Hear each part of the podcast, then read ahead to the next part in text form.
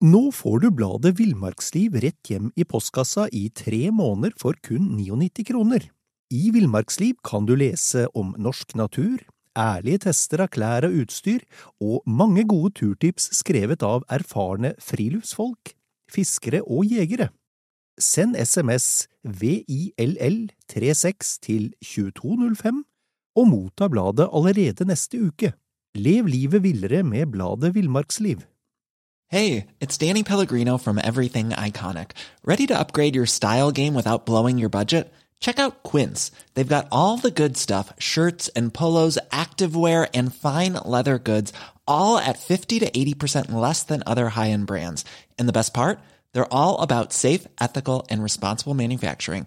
Get that luxury vibe without the luxury price tag. Hit up quince.com slash upgrade for free shipping and 365 day returns on your next order. That's quince.com slash upgrade.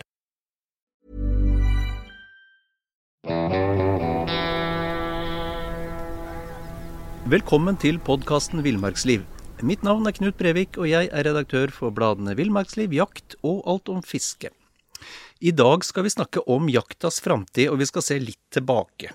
I 1999, altså for 22 år siden, inviterte bladet Jakt daværende direktør for eh, Direktoratet for naturforvaltning, Stein Lier Hansen, til å spå jaktas fremtid i Norge de kommende tiårene. Og nå har vi jo fasiten, eh, Stein. Det var ikke så hakkande gærent. Nei, jeg syns vi traff ganske bra, jeg. Og vi var jo positive på jaktas vegne, og jakta har absolutt utvikla seg positivt, syns jeg. Ja. Uh, I saken fra, fra 99 så var du, uh, var du spesielt bekymra for det du kalte makelighetskulturen. At jakta skulle bli for, uh, for enkel. Og at, at, veien til respekt hos de som ikke jakter, det er litt slit og nøkternhet, og jakt som ikke setter spor etter seg. Hva tenker du om det i dag? Nei, jeg mener det samme, jeg. Altså, jeg mener at uh, vi som er jegere i dag, vi er ute etter så klart å felle vilt. Uh, de fleste er veldig glad i, i, viltet som ressurs til egen matlaging. Men vi er jo også uh, jegere fordi at vi er opptatt av å oppleve natur. Altså selve jakta som ramme for naturopplevelse er viktig.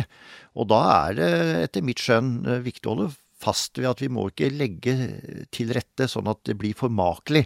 Vi skal gå litt, vi skal ikke kunne kjøre snøscooter langt inn i fjellet for å drive rypejakt på vinteren. Vi, vi, vi må kunne bære litt reinkjøtt ut av fjellet til et samlingspunkt hvor vi eventuelt kan bruke et fly, eller vi kan bære det fram til et punkt hvor det er lov å, å kjøre fram en bil. Men vi må ikke komme i en situasjon hvor liksom vi, vi, vi, hele tiden skal komme inn i jaktområdet uten å måtte slite litt, uten å bære med oss litt mat, uten å bære med oss vårt tøy. Eh, vått tøy, altså, eller tørt tøy for å erstatte når vi blir våte. Sånn at jeg er veldig opptatt av at samfunnet bør oppfatte at jegere er villige til å, til å, bruke naturen eh, til å jakte, men det skal skje på naturens premisser, og vi må ikke legge så godt til rette at uh, det nærmest fremstår som et show, hele greia. Mm, mm. Ja, for, for når, vi bare ser på jakta isolert sett, så er det uhyre mye mer enn bare et skudd. Altså, skuddet er jo nesten ingenting av det. Nei, det er, det er nesten ingenting. Altså, det som jeg For meg så er det det å leite etter dyra, finne dyra, eventuelt uh, samarbeide med en uh, god jakthund for å uh, komme i en skuddposisjon. Mm. Det er det som er selve jakta. Når du er i den skuddposisjonen, da er det også, også sikte og, og, og, og trekke, trykke på avtrekkeren og felle dyret, det er så klart et stort spenningsmoment. Jeg mm. tror, jeg tror de fleste føler at de litt, har litt høyere puls og er litt mer på alerten når det sekundet nærmer seg. Mm. Men det er altså bare en bitte liten del av det. Mm. Og så er jeg blant dem som syns også det er moro å, å vomme ut dyret og begynne å, å jobbe med slaktet. Mm. mm. Eh, og, og, det kan vi gjøre på mange mulige måter. Men f.eks. på villreinjakt, som er kanskje det jeg er mest kjent for, så blir det nødvendigvis mye bæring. Det, mm. det sier seg selv. Det er ikke noe alternativ til det. Og det setter jeg veldig pris på. Eh, fordi at jeg, jeg veit at etter etter jaktsesongen var over, så er jeg i betydelig bedre fysisk form enn før sesongen begynte. Så for meg er også jakt eh, og fiske for så vidt Det er også en metode til å holde meg i, i aktivitet, og dermed ha en bedre fysisk form. Og har du en bedre fysisk form, så er du også psykisk sterkere til å gå løs på de oppgavene du har i, i, i, i forbindelse med jobben. Så det der med å bruke jakt og fiske til å lade batteriene, da, for å bruke det uttrykket, det er viktig. Og her, og her er jo forskningen helt entydig. Altså sammenhengen mellom, en god, eh, mellom god fysisk og psykisk helse og aktivitet i naturen er jo uomtvistelig. Det er helt uomtvistelig, og jeg er sikker på at det at folk er aktive i naturen i, i, i forhold til alle typer friluftsliv, det er et av de beste bidraga vi har til folkehelsa i Norge. Og vi har sett det nå under denne pandemien, hvordan folk har søkt til skogene, hvordan de går turer, hvordan de er blitt mye aktive i å komme seg vekk fra tettbebygde strøk, og på en måte kunne slappe av og puste fritt ute i skog og fjell. Så, så vi, vi er Jeg pleier å si at vi, vi er jo et resultat av naturen. Naturen er vårt hjem, egentlig. Og selv om vi lever i en uh, mer urban verden, og at vi, vi må være på jobb eh, i, i mer urbane omgi- om, om, om- omgivelser, så, er en, så vil det alltid være en tiltrekningskraft å komme tilbake til naturen når du føler et behov for å slappe av. Sånn er det med meg. Og som du sier, det er vitenskapelig dokumentert at det er sunt. Og det har jo vært eh, siden man eh, det, det er ikke veldig mye positivt vi kan si om pandemien, men, men en av de få tinga på plussida er jo den vanvittige tilstrømminga til norsk natur. Ja, helt åpenbart. Helt åpenbart. Og da blei plutselig naturen for tusenvis, hundretusenvis av mennesker, det blei et, et, et sted hvor de kunne puste fritt. Kunne ta med seg barna, ta med seg familien, og de kom seg vekk ifra holdt på å si, denne metersregelen og alle, alle de andre ordningene vi må tilpasse oss. Naturen blei på en måte et slags, et, et slags nytt hjem. Nettopp når vi hadde det som verst under pandemien. Ja. Stein, når, vi, når, vi, når vi snakker om, eh, om dette med makelighet ehm, og, og jakt eh, Vi har opplevd en, en vanvittig utvikling når det gjelder elektronikk de siste åra. Vi har viltkamera, vi har droner, vi har peilere, eh, og ikke minst vi har nattsikter. Ehm, er det bakstreversk av oss å sette en grense et eller annet sted? Altså jeg mener at, eh, Nå nevnte du flere ting. altså Det at vi har viltkameraer, det ser jeg på som positivt. Det er veldig mye kunnskap vi får gjennom viltkameraer. Og mange har veldig stor glede av å få innsikt i hva er det som beveger seg i mørket på det området hvor jeg går tur eller hvor jeg jakter.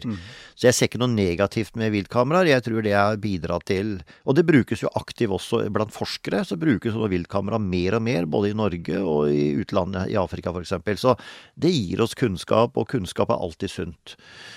Nattkikkert er heller ikke jeg så bekymra for, under forutsetning at det brukes med vett. Mm. Det er klart at du har, vil fremdeles ha regler eh, sånn som viltlovens paragraf 19, ikke sant, hvor du skal vise aktsomhet når du jakter. Og da ligger det i kortet at selv om du har et, eh, en nattkikkert, så vil det være å ta en stor risiko å drive og jakte i mørket. Og det er jo egne bestemmelser om det. Så, så der blir også nattkikkerten er ikke noe problem i seg sjøl, så lenge den ikke misbrukes. Droner blir noe annet. Vi har jo veldig strenge regler i, i, i norsk lovgivning om at vi skal ikke bruke motoriserte kjøretøy for å leite etter viltet. Vi har jo dommer på at folk som har sittet i skogstraktoren sin for å spise nista si under jakt, har blitt dømt. Hvis det kommer en hjort f.eks., og så går du ut av traktoren og, og, og skyter den hjorten, så har du liksom brukt da i teorien traktoren, traktoren til å kamuflere deg. Og vi må aldri komme dit at det er greit å ta med seg en drone til fjells, og så sitter vi i jakthytta vår, og så sender vi en drone opp i lufta, og så bruker vi den til å finne ut ja, er det reinsdyr bak den uten, er det reinsdyr bak den uten? Eller du sitter i jakthytta og sender ut ei drone for å leite etter ja, hvor på terrenget står den store elgoksen i dag. Det blir helt feil etter mitt skjønn. Da, da har vi på en måte kortslutta et av poengene ved å drive jakt, nemlig å spore opp viltet selv, eh, enten aleine eller i samarbeid med andre jegere, eller i, i samarbeid med jakthunder. Sånn at eh, jeg håper jo at ikke vi kommer inn i en utvikling hvor en liksom bruker droner til å lokalisere viltet, for dermed også slippe å, å gjøre det som på en måte alltid er de forberedende øvelsene før du kommer i en skuddsituasjon. Så der mener jeg det må gå ei grense. Jeg må bare si sånn personlig så har jeg vært litt bekymra de siste par åra. Ikke, ikke nødvendigvis for bruken, for jeg, jeg tror som du sier at folk kan styre det stort sett sjøl. Men, men, men, men eh, den eh, måten resten av samfunnet ser på oss på Ja. Og det har alltid vært en av mine store mantraer. Eh, Vi kan mene at vi kan jakte på ulike måter, og det er vel ingen andre som skal bry seg om hvordan jeg jakter, men sånn er det ikke. Eh, Jakt er en aktivitet eh, hvor vi som jegere får eh, dispensasjon fra det generelle regelverket, altså fredningsprinsippet, til å ta livet av dyr.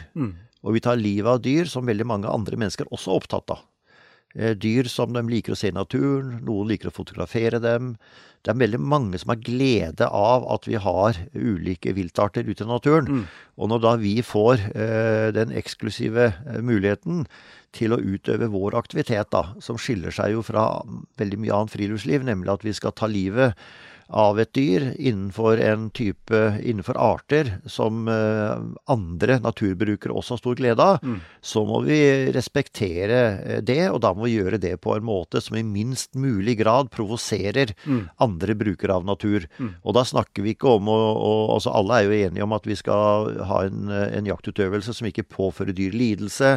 Vi skal ha en jaktutøvelse som ikke kan eh, påføre andre mennesker skade, f.eks. gjennom vådeskudd. Men vi må gå lenger enn det. Vi må også ha en jaktutøvelse som ikke provoserer det jeg vil kalle normale normer i samfunnet. Så det er en viktig debatt. Og, og, og når vi er inne på det um, min, min opplevelse er at vi, at vi ser stadig mer, kanskje ikke mye i forhold til en del andre europeiske land, men vi ser mer organisert jaktmotstand i dag. Ja. I, øh, blant annet gjennom sosiale medier. Ja. Hva tenker du om det?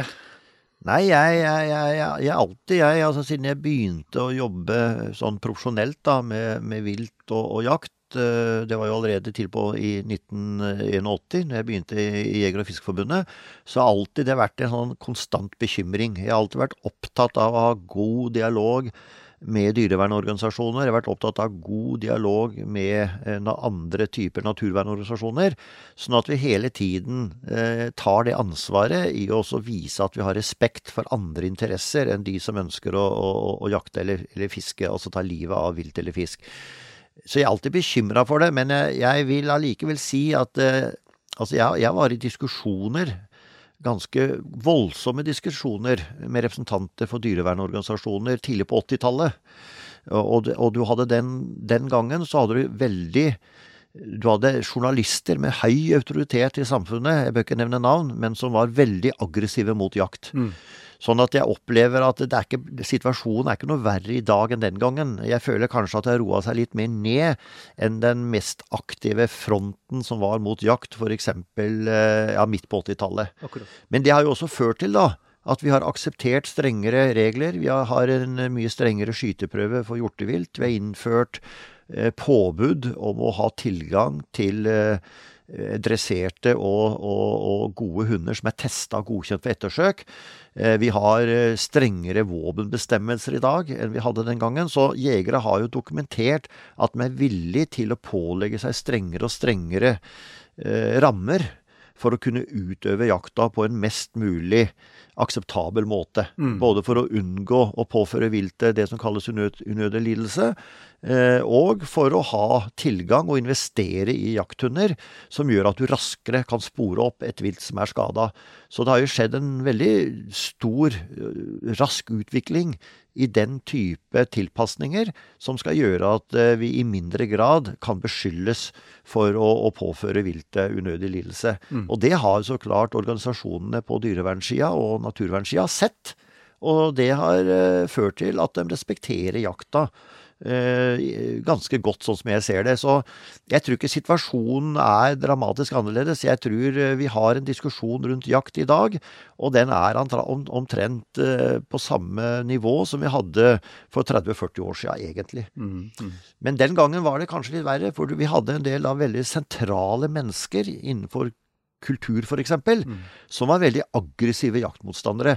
Og det er klart at hvis du får, får personer med høy autoritet i samfunnet eh, til å liksom bli talsmenn og fronte alt som er negativt i forhold til jakt, så hadde det vært en stor utfordring.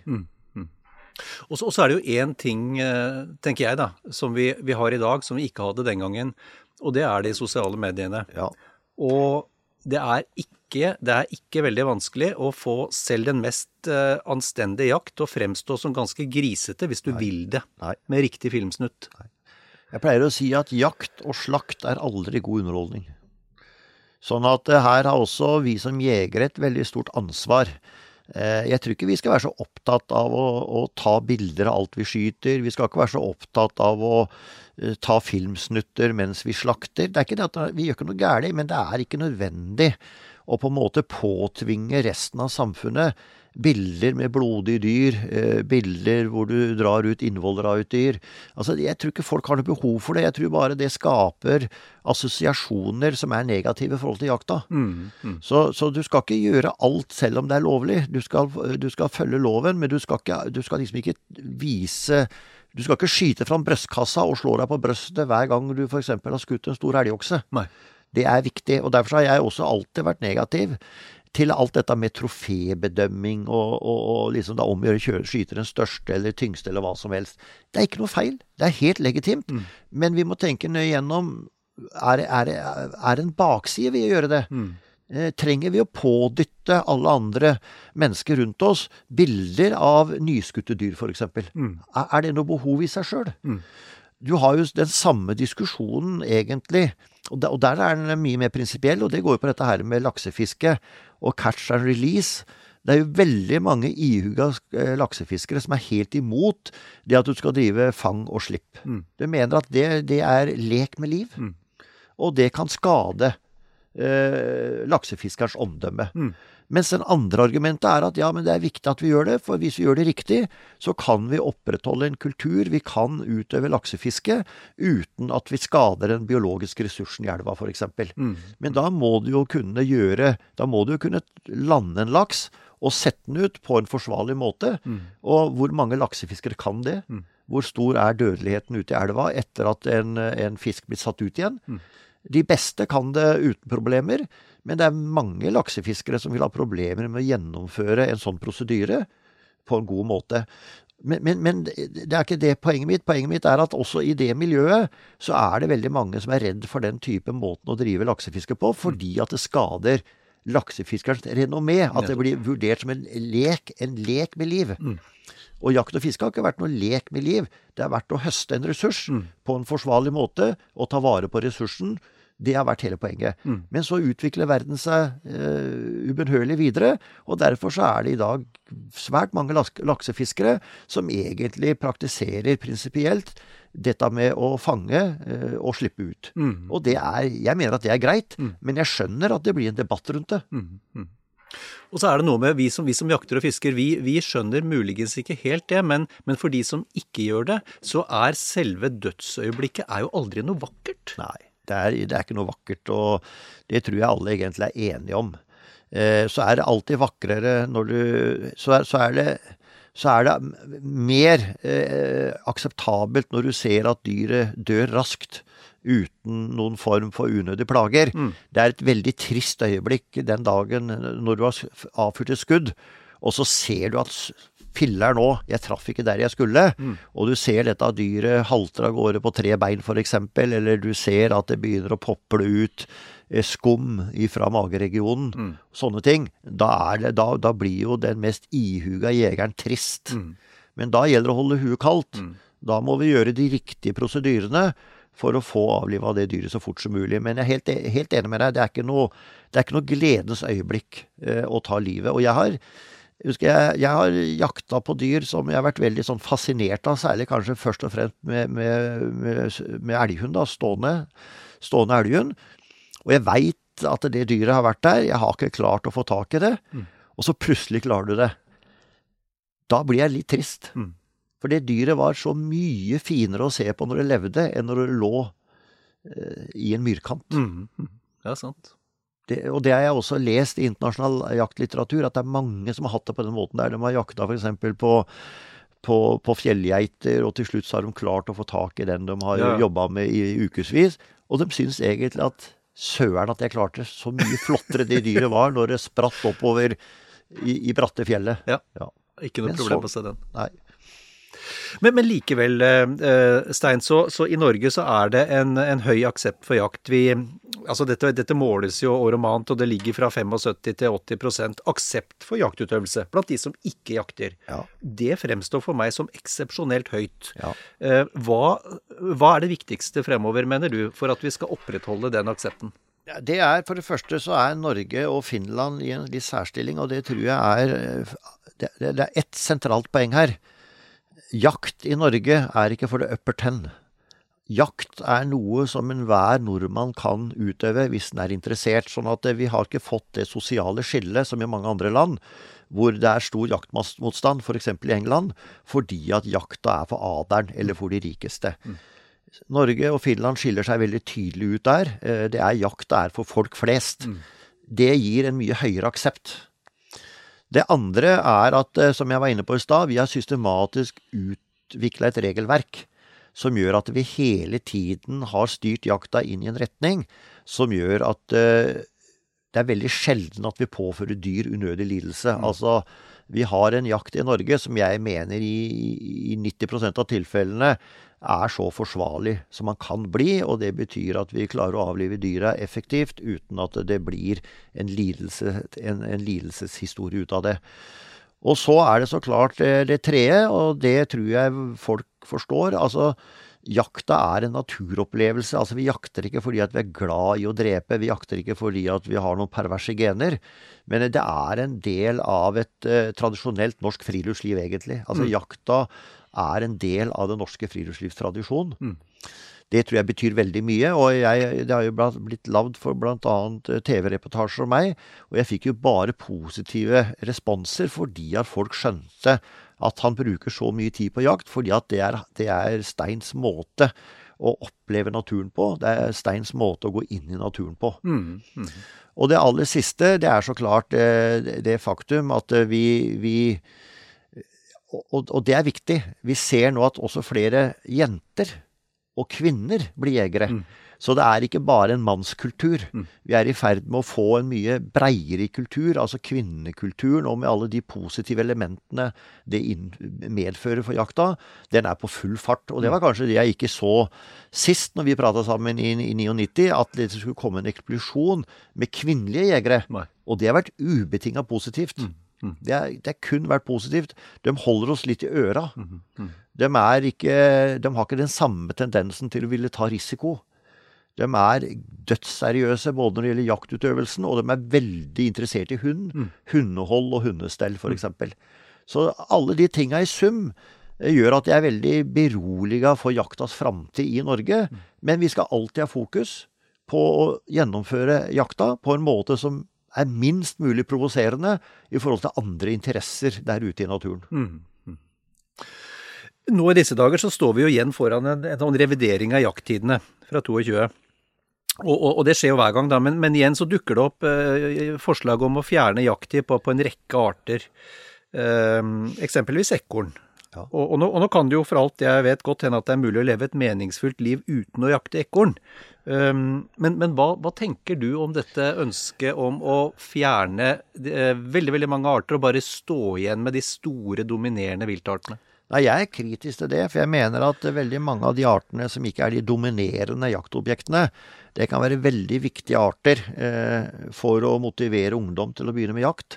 Det kan være arter som ikke betyr så mye i den nasjonale statistikken, men som er absolutt eh, relevante objekter å jakte på i, i, i mindre miljøer, i, i mindre regioner av landet f.eks.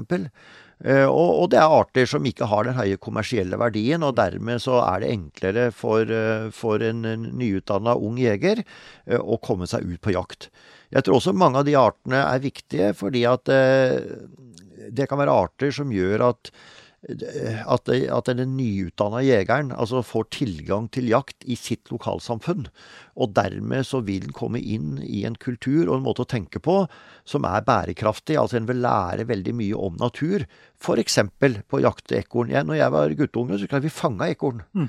i liene rundt Rjukan. Og det er klart at jeg lærte jo forferdelig mye av det. Mm. Vi tok ikke livet av dem, det var mer enn vi, vi fanga dem og sånn i nærheten av der vi bodde, og så slapp vi dem ut igjen. Men jeg lærte jo veldig mye. ja, ja, ja. Jeg lærte jo fryktelig mye om arten ekorn. Mm. Eh, men når det da kommer sånne forslag, så, så, har jeg også respekt for at, for at en art skal eh, få en jakttid i Norge, da, så er det to hovedkriterier som jeg alltid har ment må gjelde. Det ene er at den arten tåler å beskattes. Mm. Altså det må være et eh, biologisk overskudd som kan beskattes. Ja. Eh, og det er det grunnleggende. Men, og da er vi tilbake til dette her med lek og ikke lek. Ja. Arten skal også ta vares på som en ressurs. Altså hvis du velger eh, å opprettholde jakt på ekorn, så skal du ikke skyte ekorn eller jakte på ekorn bare for moro skyld. Nei. Da skal du gjøre det fordi at du er ute etter pelsen, f.eks. Altså du skal ta vare på den ressursen som du da høster. Mm. Hvis ikke så blir det feil. Ja. Jeg er helt imot at vi skal drive jakt eh, bare for å ha en blink å skyte på, og så lar vi det skutte viltet, enten det er en trost eller det er et ekorn, bare ligge der og råtne. Det har ingenting med jakt å gjøre. Det er noe uverdig ved det. Det er noe veldig uverdig øh, med det. Og det gir også signal om at å ja, jegere er kun opptatt av å ta liv. Mm. De er ikke interessert i å ta vare på øh, det objektet som de har felt. Mm. Og det er faktisk et kriterium i lovgivninga. Mm.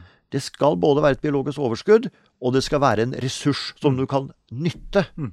Du skal altså kunne ta vare på den ressursen Mm. og bruke den til noe fornuftig. Mm. Enten det er pels, eller det er mat, eller hva det måtte være. Og tradisjonelt så har jo gråverk, som er skinnet fra ekorn, har jo vært viktig. Ja, veldig viktig, og, og det, er en, det er en lang og god tradisjon. Det å drive med fangst på pelsvilt Mm. og ta vare på det flotte eh, pelsen, det mener jeg er, eh, det er en forutsetning. Jeg ville aldri f.eks. eksempel ha drevet revejakt, og det gjør jeg for så vidt heller ikke. Men hvis jeg skulle drive med revejakt, så var det for å ta vare på pelsen. Mm. Hvis jeg skulle begynne å, å, fange mink, så er det å ta vare på pelsen til minken. Mm. Eller røyskatten, eller ekornet, eller hva det måtte være. Mm. Ikke bare for å ta livet av den. Nei. Det har ingenting med jakt og fangst å gjøre. Eh, Stein, dette burde jeg selvfølgelig nevnt sånn helt innledningsvis, da, men du har jo, du har jo, du har jo vært med Du har sittet på øvre delen av bordet innen Jakt- og Fiske-Norge i mange år. Og du har jo vært, eh, du har jo vært eh, generalsekretær i Norges Jeger og Fisk. Du har vært eh, direktør i Direktoratet for naturforvaltning, som det den gang het. Du har vært statssekretær. Um, og nå er, du, nå er du leder i Norsk Industri. Um, en av de eh, kampene som du har stått i, som jeg vet har vært uh, ganske tung, det er dette med blyhagl. Ja. Jeg har stått i den fighten, og, og for å repetere litt, det var egentlig ledelsen jegerorganisasjonen i Danmark som tok kontakt med Norges Jeger- og Fiskerforbund og sa at eh, nå må dere også begynne å jobbe med blyhaglproblematikken. For de danske jegere hadde avvist det som et problem altfor lenge, og de fikk da samfunnet og den danske naturforvaltninga mot seg. Så vi ble sterkt advart mot det, og det var min forgjenger Per Søylen og jeg som særlig eh, fikk den informasjonen fra Danmark, og det ble et stort tema i det som kalles eh, Nordisk jegerunion. Derfor tok vi tidlig fatt i det, og vi fikk også en, en ivrig jeger. Eh, men som også var forsker eh, oppe på Universitetet i, Trondheim, nå NTNU, til å gå inn i den eh, materien. Og vi mente at vi veldig raskt fikk veldig god informasjon om at det fantes alternativer til blyhagl. Altså Det var ikke noe vits i å bruke bly og dermed påføre naturen en, en, en form for forurensning. Fordi at vi kunne gå over til eh, andre hagl med andre metaller enn bly. Og det var jo stål først og fremst som var i tema den gangen, og nå etterpå er det jo utvikla 10-12 forskjellige alternativer til blyhagl. Og derfor så valgte vi å jobbe for en gradvis avvikling av blyhagl i Norge. For bly, det er et grunnstoff, et tungmetall, som naturen overhodet ikke har brukt for.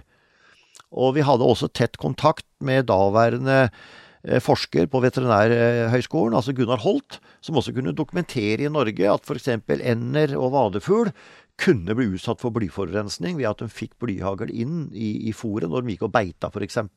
Eh, på grunne vann hvor det lå mye bly ute i vannet, for, som et eksempel. da. Og vi visste også at i, i, eh, i gulpebollene til rovfugl så kunne du finne bly f.eks. hvis rovfugl hadde ja, hadde spist opp uh, ryper som var skadeskutt f.eks., så kunne du finne blyhagl. Så der, der, så begynte vi å jobbe med det. Men det er klart motstanden var stor. Uh, og det hadde nok først og fremst eh, sin argumentasjon i at blyhagl er jo billig.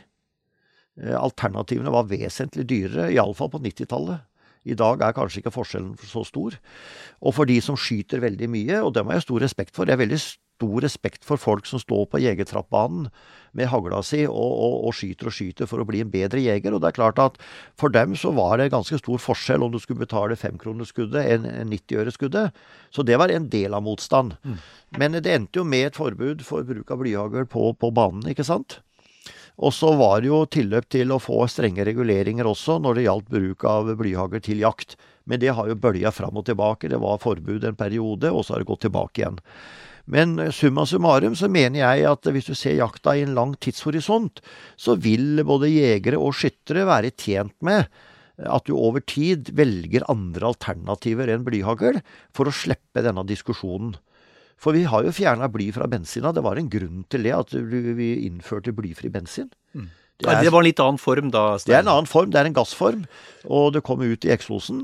Men det er, det er ikke noen grunn til å velge bly den dagen det finnes et godt alternativ. Men det må være et godt alternativ, både eh, i forhold til at det skal ha samme drepeeffekt. Eh, du kan ikke velge alternativer som fører til mer skadeskyting. Og det må være alternativer som eh, en moderne hagle tåler, altså som ikke fører til løssprengning. Mm. Og det må være alternativer som også er over tid prismessig konkurransedyktig. Mm. Men det er mer for meg for, for, for, meg den gangen så var det mer å vise at vi var på offensiven. At vi turte å ta tak i problemet, mm. og at vi, ikke, at vi, ikke, skulle obstruere da, mm. mot resten av samfunnet dersom det fantes, og når, når det kom gode alternativer. Mm. Og for min del så har jeg jakta eh, med alternative hagl siden tidlig på 90-tallet, og jeg har aldri opplevd noe ubehag med det. Og så er det jo en del av eh, historien vi, altså, vi, har jo, vi har jo drevet og, og testa disse, eller denne ammunisjonen opp gjennom alle år. Og det er klart de første generasjonene med stål eh, var slappe rent hastighetsmessig. Det var det. Det har blitt mye bedre. Ja. Um, og så, tenker jeg, Stein, at du, da du forlot uh, Norges Jeger og Fisk, så, så, så, så, kom jo dette opp igjen, og så, og gikk vi mot en, en omkamp hvor uh, så, i dag er det jo, er det jo tillatt igjen på, un, under visse rammer. Men nå har jo EU beslutta seg for å fase det ut fullstendig. Ja. Så da er det vel et spørsmål om ikke du til syvende og sist ja, men, fikk jeg kommer til å få rett. ja, men det er ikke noe å diskutere. Altså, jeg jobber som du sier nå i norsk industri, ja. og har ganske stor innsikt i hvordan internasjonalt regelverk raskt blir utvikla mm. for å fjerne utslipp av det vi kaller tungmetaller. Ja det er de stoffene som nesten alle forskere mener vi skal unngå å spre i naturen. Ja. Uansett hvor stort eller lite problemet er akkurat i dag, så er det, er det et svært stort trykk. Sånn at, eh, og det er derfor jeg mener hvorfor skal vi alltid slippe beina etter oss? Mm. Hvorfor skal vi alltid bli trua til å akseptere regler via internasjonale regelverk? Kan vi ikke gå foran og mm. si at ja, vi som skyttere, vi som jegere, vi er villige, men vi forlanger da, og vi for, forventer av omgivelsene, at vi får den tida vi trenger mm. til å få på plass alternativene. Mm. Det er sånn vi må tenke. Mm. Og det er jo en parallell til Altså det er jo et grunn til at Norge er det landet hvor vi relativt sett raskest begynte å investere i elektriske biler. Det var jo fordi at vi ønska å gå foran. Ikke fordi at det er så livsfarlig å, kjøpe, å kjøre med en topp moderne dieselbil, som egentlig kan eh, være ganske, ha et godt økologisk fotavtrykk. Mm. Men en har valgt å gå foran, og Stortinget har lagt til rette for det gjennom veldig positive insentiver, som gjør at de bilene er billige. Og jeg tror at vi ofte må vi tenke sånn. Vi skal ikke stå imot, stå imot, stå imot, helt til en regel blir tredd nedover huet på oss. Mm. Det er bedre å være offensive, og da kan du også få kontroll med hvordan den endelige regelen blir utforma. Mm. Mm.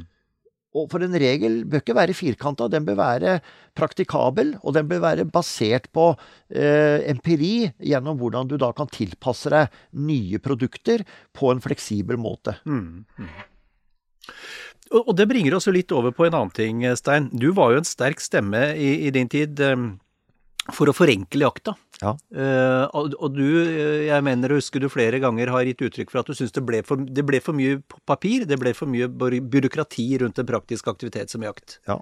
Hvordan syns du det har gått? Ja, Det har gått både og. Uh, det er klart at uh, hvis du ser på meg som reinsjeger når jeg reiser på jakt nå til høsten, så har jeg med meg betydelig med dokumenter. Mm. Eh, og, og, men det er klart at eh, det har jo gått i riktig, riktig retning, det òg. Nå kan du jo få jegerkortet ditt digitalt, du kan betale digitalt.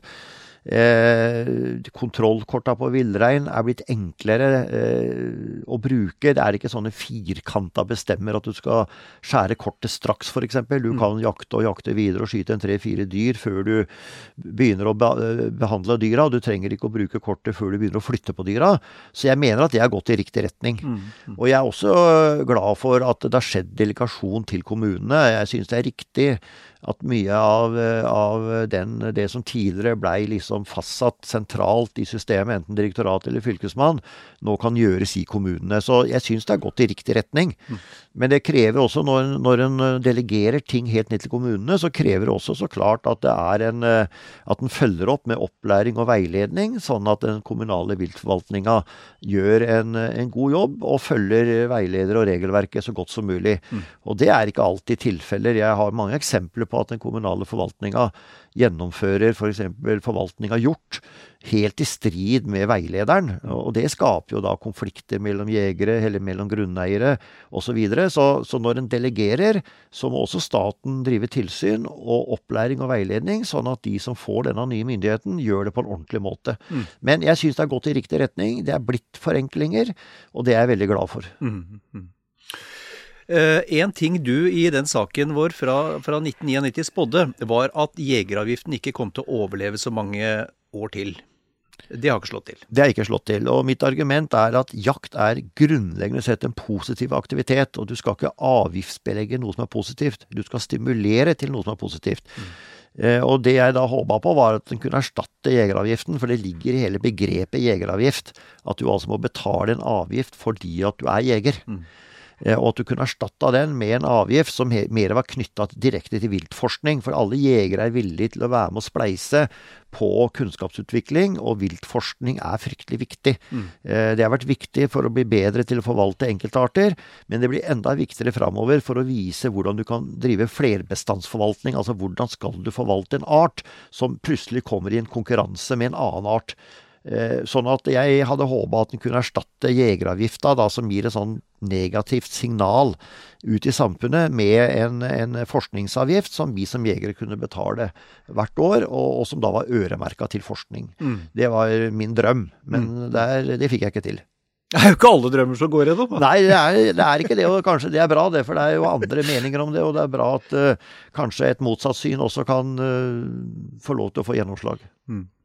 Eh, en ting jeg har lyst til å snakke litt med deg om. Du, du jakter jo mye på Hardangervidda. Uh, skrapesyken. Mm. Ja, det er en forferdelig sak. Uh, hvis jeg skal være dønn ærlig, uh, så er jeg redd for at tiltaket mot CVD, da, eller skrapesyken Nå får du bladet Villmarksliv rett hjem i postkassa i tre måneder for kun 99 kroner. I Villmarksliv kan du lese om norsk natur, ærlige tester av klær og utstyr, og mange gode turtips skrevet av erfarne friluftsfolk, fiskere og jegere. Send SMS VILL36 til 2205 og motta bladet allerede neste uke. Lev livet villere med bladet Villmarksliv. Okay, I have two new obsessions that I need to share with you. Impress No Glue Press On Manis and Impress Press On Falsies Lashes. Trust me, these are getting ready game changers. Both require no glue, so there is no damage to your natural nails and lashes, no mess, and no annoying dry times. Just one step and you're done. Boom instant glam. Visit impressbeauty.com slash presson and use code PRESSON25 at checkout for 25% off Impress Manicure and Press-On Falsies. Kan påføre villreinbestand på Hardangervidda større irreversible problemer enn sykdommen sjøl. Eh, vi vet altfor lite om den sykdommen på villrein. Eh, den sykdommen har ikke vært registrert på villrein før vi fikk den i Nordfjella februar 2016.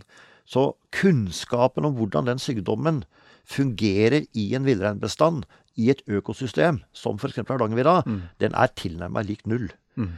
Og Derfor så er jeg nå veldig glad for at Miljødirektoratet har foreslått en strategi for Hardangervidda om at vi må gå langsomt fram. Vi må forvalte villreinbestanden ut ifra økologiske prinsipper. Og så sier de at og så får vi da heller ha en adaptiv forvaltning. Altså etter hvert som vi lærer mer om hvordan sykdommen eventuelt utvikler seg, så justerer vi forvaltninga. Altså, det er det Miljødirektoratet har foreslått, og som da innebærer at vi, vi, skal lære, vi skal lære, vi skal lære, vi skal overvåke og forske, og så skal kunnskapen gjøre at vi forvalter mer og mer korrekt etter hvert som kunnskapen blir bedre. Mot det så står da Mattilsynet, som ønsker dramatiske tiltak på Hardangervidda. De har vel eh, gitt uttrykk for at de ønsker en rask nedskyting av bestand til det som er genetisk, en genetisk levedyktig bestand. Og Det betyr altså at du kan gå fra I dag har vi etter kalvinga nå i vår, så har vi kanskje 8000 dyr. Og så ønsker Mattilsynet å komme helt ned til 500 dyr bare. Altså i løpet av tre år. Altså 500 dyr på Hardangervidda. Det kan godt hende at den er en genetisk levedyktig bestand. Mm. Men det er altså en bestand som da har mista enhver mulighet til å ivareta den økologiske funksjon som villrein har i økosystemet Hardangervidda. Mm. Og, og jeg mener at dersom regjeringa skulle falle ned på den strategien, så er risikoen enorm for at vi gjør så stor skade uten at det er godt begrunna i vitenskap. Mm. Altså Da bruker vi føre-var-prinsippet på en stuttumaktig metode. Så, men nå er det regjeringa som skal ta standpunkt til dette her, med basis i de to forskjellige tilnærmingene som Mattilsynet har, versus Miljødirektoratet. Og så har jeg lyst til å si en ting til. Det er ikke bare at en sånn strategi, eh, hvor du da desimerer en bestand fra 8000 til 500 i løpet av tre år, den vil være Det, det, det er uante økologiske konsekvenser av det. Det vil heller ikke være mulig å gjennomføre det uten å gjennomføre vinterjakt med bruk av helikopter og snøscooter, som vil være i strid det, det, lar seg ikke gjennomføre uten å komme i strid med dyrevernlovens bestemmelser. Mm. Så det vil også være en tragedie i forhold til at en sånn nedskytning vil medføre åpenbare brudd på den rettssikkerheten som villrein har, for ikke å bli utsatt for unødig stress og lidelse. Mm. Men det er ikke det viktigste. Det er viktig nok. Men det viktigste er at en sånn strategi det vil altså fjerne villreinen som økologisk faktor på Hardangervidda. Det vil være i strid med bakgrunnen for at vi fikk den største nasjonalparken i Norge nettopp på Hardangervidda. Det vil bryte ned jaktkulturer og hele den kulturelle forståelsen som lokalsamfunnet har av villrein. Og det vil egentlig være et utilgivelig tiltak som ikke kan begrunnes vitenskapelig for å håndtere CVD. Det er tatt over 4000 prøver av villrein på Hardangervidda. Det er ett dyr mm. som var testa positivt. Og det dyret var ikke tegn på sykdom overhodet. Og så snakker jeg med vitenskapelige miljøer som er helt enige med meg. Sentrale forskere f.eks. For som jobber med prionsykdommer på Universitetssykehuset i Oslo, og som sier at det fins ingen vitenskapelig belegg som tilsier en sånn dramatisk handling. Snarere tvert om. CVD kan oppstå når som helst. Det kan oppstå spontant gjennom såkalte folding-mekanismer. Og i 99% av tilfellene fører det aldri til et alvorlig sykdomsbilde. Mm. Så det som noen her har gjort, er å se på erfaringer fra utvalgte bestander av hjort, altså en annen art i Nord-Amerika, som lever i kulturlandskap tett inntil tamme bestander under innhegning. Og så bruker de de datasettet til å lage et skrekkscenario på Hardangervidda. Mm. Altså helt uvitenskapelig. Det, det, virker litt overspent med et, med et pennestrøk å fjerne største villreinstammen ja, det, det, er, jeg, jeg, det er så vilt. Eh, det, får, det, er så, det er så usannsynlig for meg at det kan bli gjennomført. Så jeg, jeg er optimist. Men så er jeg villig til å virkelig motivere meg selv og andre jegere for å gjøre en god jobb. Vi skal ta prøver. Vi skal være med på en bestandsreduksjon for å få ting under kontroll. Vi skal stå på for å hjelpe forvaltninga til denne adaptive forvaltninga. Eh, men det må være basert på en strategi som har legitimitet blant grunneiere, blant kommunen og blant jegere. Mm. For her kan ikke staten tro at de skal gjennomføre dette her med profesjonell vinterjakt. Det vil aldri bli respektert, aldri vil eh, forstått. Og jeg vil tro at på Hardangervidda vil det bli møtt med rettslige skritt. Mm. Så, men jeg, har stor, stor tro på regjeringa, jeg har stor tro på Stortinget. Og at den politiske diskusjonen som nå starter på dette her om noen uker eller to, vil føre til at en velger denne kloke strategien til Miljødirektoratet. Og det er også den strategien som den såkalte vitenskapskomiteen har foreslått. Prøve å lære. Prøve å lære. Og det, vi, har, vi har ikke hast. Se, hvis det utvikler seg en sykdomslignende tilstand med CVT, CVD, så tar det tiår. Dette skjer ikke over natta. Dette er ikke en tetthetsavhengig sykdom. Det er en sykdom som utvikler seg nærmest mekanisk. Så det er helt annerledes enn covid-19. Helt annerledes enn klauråte, hjernemark etc. Det er selve økologien til sykdommen tilsier at vi har kjempegod tid. Det er ingenting som haster. Nei. Ok. Jeg, eh, jeg tenker på en ting, eh, Stein, og det er eh, Du har i hele ditt voksenliv så har du hatt lederposisjoner. Vi har vært inne på det. Det er NJFF, det er Direktoratet for naturforvaltning, statssekretær, nå i Norsk Industri. Og, og jeg veit du ved et par anledninger har snakka om at du egentlig kunne tenkt deg å bli fjelloppsynsmann. Altså, bli, blir, du aldri, blir du aldri lei sånne jobber? Jo, det er perioder hvor jeg er lei. Eh, Det er perioder hvor jeg liksom kunne ha tenkt at ålreit, nå kan jeg gå ut av, eh, av døra på jobben, og så har jeg fri. Jeg har ikke noe ansvar i å, å følge med på hva som skjer om natta. Jeg skal ikke ta telefoner, jeg skal ikke drive lobby til langt ut på, efter, langt ut på kvelden. Men det, plutselig så, så innebærer jo en sånn jobb, da, som jeg har og har hatt, den innebærer jo også at du får mulighet til å påvirke. Sånn at den der, det der med at eh, jeg, jeg ikke får brukt like mye tid som jeg kunne ha brukt som fjelloppsynsmann i fjellet, det blir oppveid av at jeg faktisk også kan bruke mye tid til å jobbe med ting som er veldig spennende, og som gjør at du setter inn et fotavtrykk. Så, så det er en sånn dualisme i det. Men det er klart, noen ganger så syns jeg det hadde vært veldig ålreit å, å hatt en annen type jobb. Mens andre ganger, sånn som nå vi diskuterte CVD, så føler jeg at de jobbene jeg har hatt, har gitt meg en eh, posisjon som gjør at jeg har en stemme. Og den stemmen vet jeg blir satt pris på bl.a.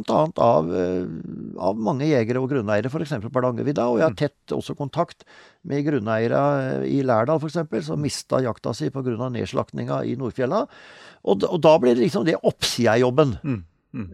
Men eh, det har vært en del svarte dager hvor jeg kunne drømt om å liksom ikke hatt noe særlig mer ansvar enn å bare gjøre en grei jobb. Um, en, en annen ting eh, som du jo i og for seg snakka om tidligere eh, andre steder, men det var jo det, det faktum at din, din far var jo motstandsmann i Milorg, og var en av tre som hadde ansvaret for, for senkinga av ferga Hydro med tungtvann på Tinnsjøen.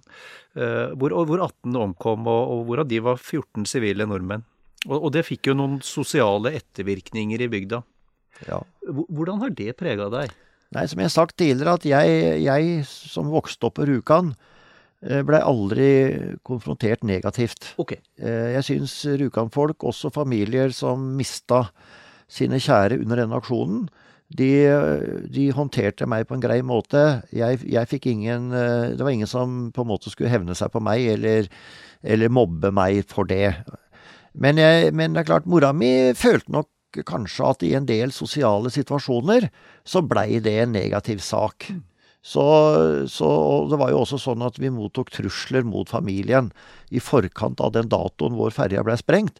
Men det var jo bare trusler, det førte jo aldri til noe, og faren min bare flira av det og sov like godt den natta som alle andre netter. Men eh, politiet anbefalte jo da mora mi og meg å overnatte et annet sted. Okay. Da snakker vi, da var jeg ganske liten, altså da snakker vi liksom slutten, ja, ti, ja vi, fram til kanskje midt på 70-tallet, men kanskje først og fremst på 60-tallet. Så jeg kan ikke, jeg må bare si at eh, lokalsamfunnet der oppe eh, tok godt vare på meg og min familie på tross av den hendelsen. Eh, Sånn at det er vel hovedoverskriften, og så veit jeg at mutter'n noen ganger eh, blei litt deprimert av litt sånne spydige bemerkninger, da. Ja. ja. Ok.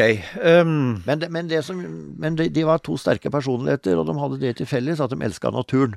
Så hele min oppvekst med både mutter'n og fatter'n, det var enten molteplukking eller blåbærplukking eller jakt eller fiske eller bare gå på ski. Sånn at ja, det var vel De var veldig flinke til å introdusere meg for naturen, og egentlig alle typer friluftsliv. ja, for det, der stjal du et spørsmål fra meg, for jeg tenkte jeg skulle spørre Jeg spørre deg om hvordan det dukka opp, den voldsomme interessen for friluftsliv. Nei, det var av de to, og for så vidt også besteforeldrene mine. Det, dette var sankere. Ja. Dette var virkelig sankere. Og som så enhver mulighet til å sanke i naturen, og som så enhver mulighet til å gå en lang skitur, som så enhver mulighet til å ro meg rundt eh, med en liten fiskestang eller en pilkestikke. Så det var egentlig Jeg kan ikke huske egentlig Altså, vi hadde noen mislykka ferieturer til Sørlandet og Danmark og sånn, men ellers så var all fritid var naturen. Ja. Og naturen var jo da synonymt med Hardangervidda. Og det året jeg blei født, så bygde jo fattern hytta som blei vårt samlingssted i, i sørøstlige delen av Hardangervidda, altså nord for Møsvann. Så det var egentlig der jeg vokste opp. Akkurat. Han var jo først og fremst en iuga villreinjeger, da. Ja vel. Det var hans store jaktobjekt, og så var han kjempeglad i å fiske. Eh, også, men han var også totalt dilla på molter. Altså, jeg tror han skulle ofre livet for å få tak i en molte, så han var helt eh, Og det var mora mi òg, for å si det sånn. Sånn at det var høsting, friluftsliv, og det å bruke naturen for å holde seg i god form. Ja. Ja. ja. Ja, vi kunne prata veldig mye, Stein, men jeg har bare lyst til å spørre deg. Um, Du har vært eh, fryktelig aktiv uh, i veldig, veldig mange år. Hvis du skal plukke ut én opplevelse uh, fra jakt eller fiske eller, eller tur, hva vil det være? Altså, i motsetning til fattern så er jeg blitt ekstremt opptatt av å bruke jakthund. Og jeg må nok si at eh, det, den største opplevelsen, det er når en eh, Altså, jeg har hatt flere Altså, det er når en valp stiller sin elg for første gang. Eller når en valp av striåra dags gjennomfører sin første los på rådyr eller hjort. Det er de opplevelsene som betyr mest. Det er akkurat det der samarbeidet med hunden som har blitt viktigere og viktigere for meg. Eh, og da er, det, da er den opplevelsen Så lenge hunden gjør jobben, og jeg ikke dummer meg ut, og jeg får skutt for den unge hunden, da, som kanskje er seks måneder, åtte måneder det er, det er den største opplevelsen den høsten. Og da betyr det ikke om det er en elgkalv som blir skutt, eller et lite rådyr uten gevir. Det er akkurat at den hunden har lykkes. Det er det aller, aller viktigste. Og det har jeg en tre-fire veldig gode opplevelser på, både når det gjelder rådyr, hjort og elg. Men jeg er villreinjeger, sånn at den aller største opplevelsen, det er en gang jeg satt i tåka, og det skulle ikke være villrein i området, men jeg nekta å gi meg. Og i det tåkehavet så hører jeg gartinga, altså den lyden som, eh, som du får i en villreinflokk. Og ut av det tåkehavet så kom det altså en flokk på en 150 dyr. Og det var nesten ikke mulig å skyte, det var uforsvarlig å skyte. Og så plutselig så letta tåka, for det var flott vær, men tåka lå lavt. Og plutselig så brøt sola gjennom, og der sto det altså foran meg den flotteste gjellsimla jeg har hatt, altså en gjellsimle uten kalv, som nesten var litt albinos. Og den fikk jeg det perfekte skuddet på. Den kommer jeg aldri til å glemme. Det kommer jeg aldri, aldri til å glemme hele, og det var hele opplevelsen. Det var som det var en hånd der oppe som bare rydda unna tåka og sa 'Nå, Hansen, nå skal du få en opplevelse'. Ja. Det var nesten litt religiøst over det. Men det er enkelte situasjoner som, som hvor det, i, under jakta hvor det nesten er noe religiøst over. Ja, det er det. Det er som om noen holder en hånd over en. Ja, det er det. Det er altså situasjoner som var håpløse, blir plutselig stang inn. Og så er det det omvendte. Per situasjoner som var perfekte, blir stang ut. Men da er det gjerne mennesket som har gjort noe feil. Ikke sant? Ja. Ikke sant? Stein, tusen takk for en eh, kjempetrivelig prat. Takk for at du fikk lov til å komme.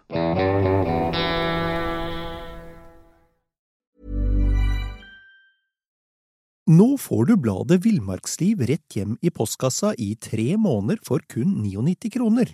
I Villmarksliv kan du lese om norsk natur, ærlige tester av klær og utstyr, og mange gode turtips skrevet av erfarne friluftsfolk, fiskere og jegere. Send SMS VILL36 til 2205 og motta bladet allerede neste uke. Lev livet villere med bladet Villmarksliv. Mom deserves the best, and there's no better place to shop for Mother's Day than Whole Foods Market. They're your destination for unbeatable savings, from premium gifts to show-stopping flowers and irresistible desserts. Start by saving 33% with Prime on all body care and candles. Then get a 15-stem bunch of tulips for just $9.99 each with Prime. Round out Mom's menu with festive rosé, irresistible berry chantilly cake, and more special treats. Come celebrate Mother's Day at Whole Foods Market. Hey, it's Paige DeSorbo from Giggly Squad. High quality fashion without the price tag. Say hello to Quince. I'm snagging high-end essentials like cozy cashmere sweaters, sleek leather jackets, fine jewelry, and so much more. With Quince being 50 to 80% less than similar brands. And they partner with factories that prioritize safe, ethical, and responsible manufacturing. I love that. Luxury quality within reach. Go to quince.com slash style to get free shipping and 365 day returns on your next order. Quince.com slash style.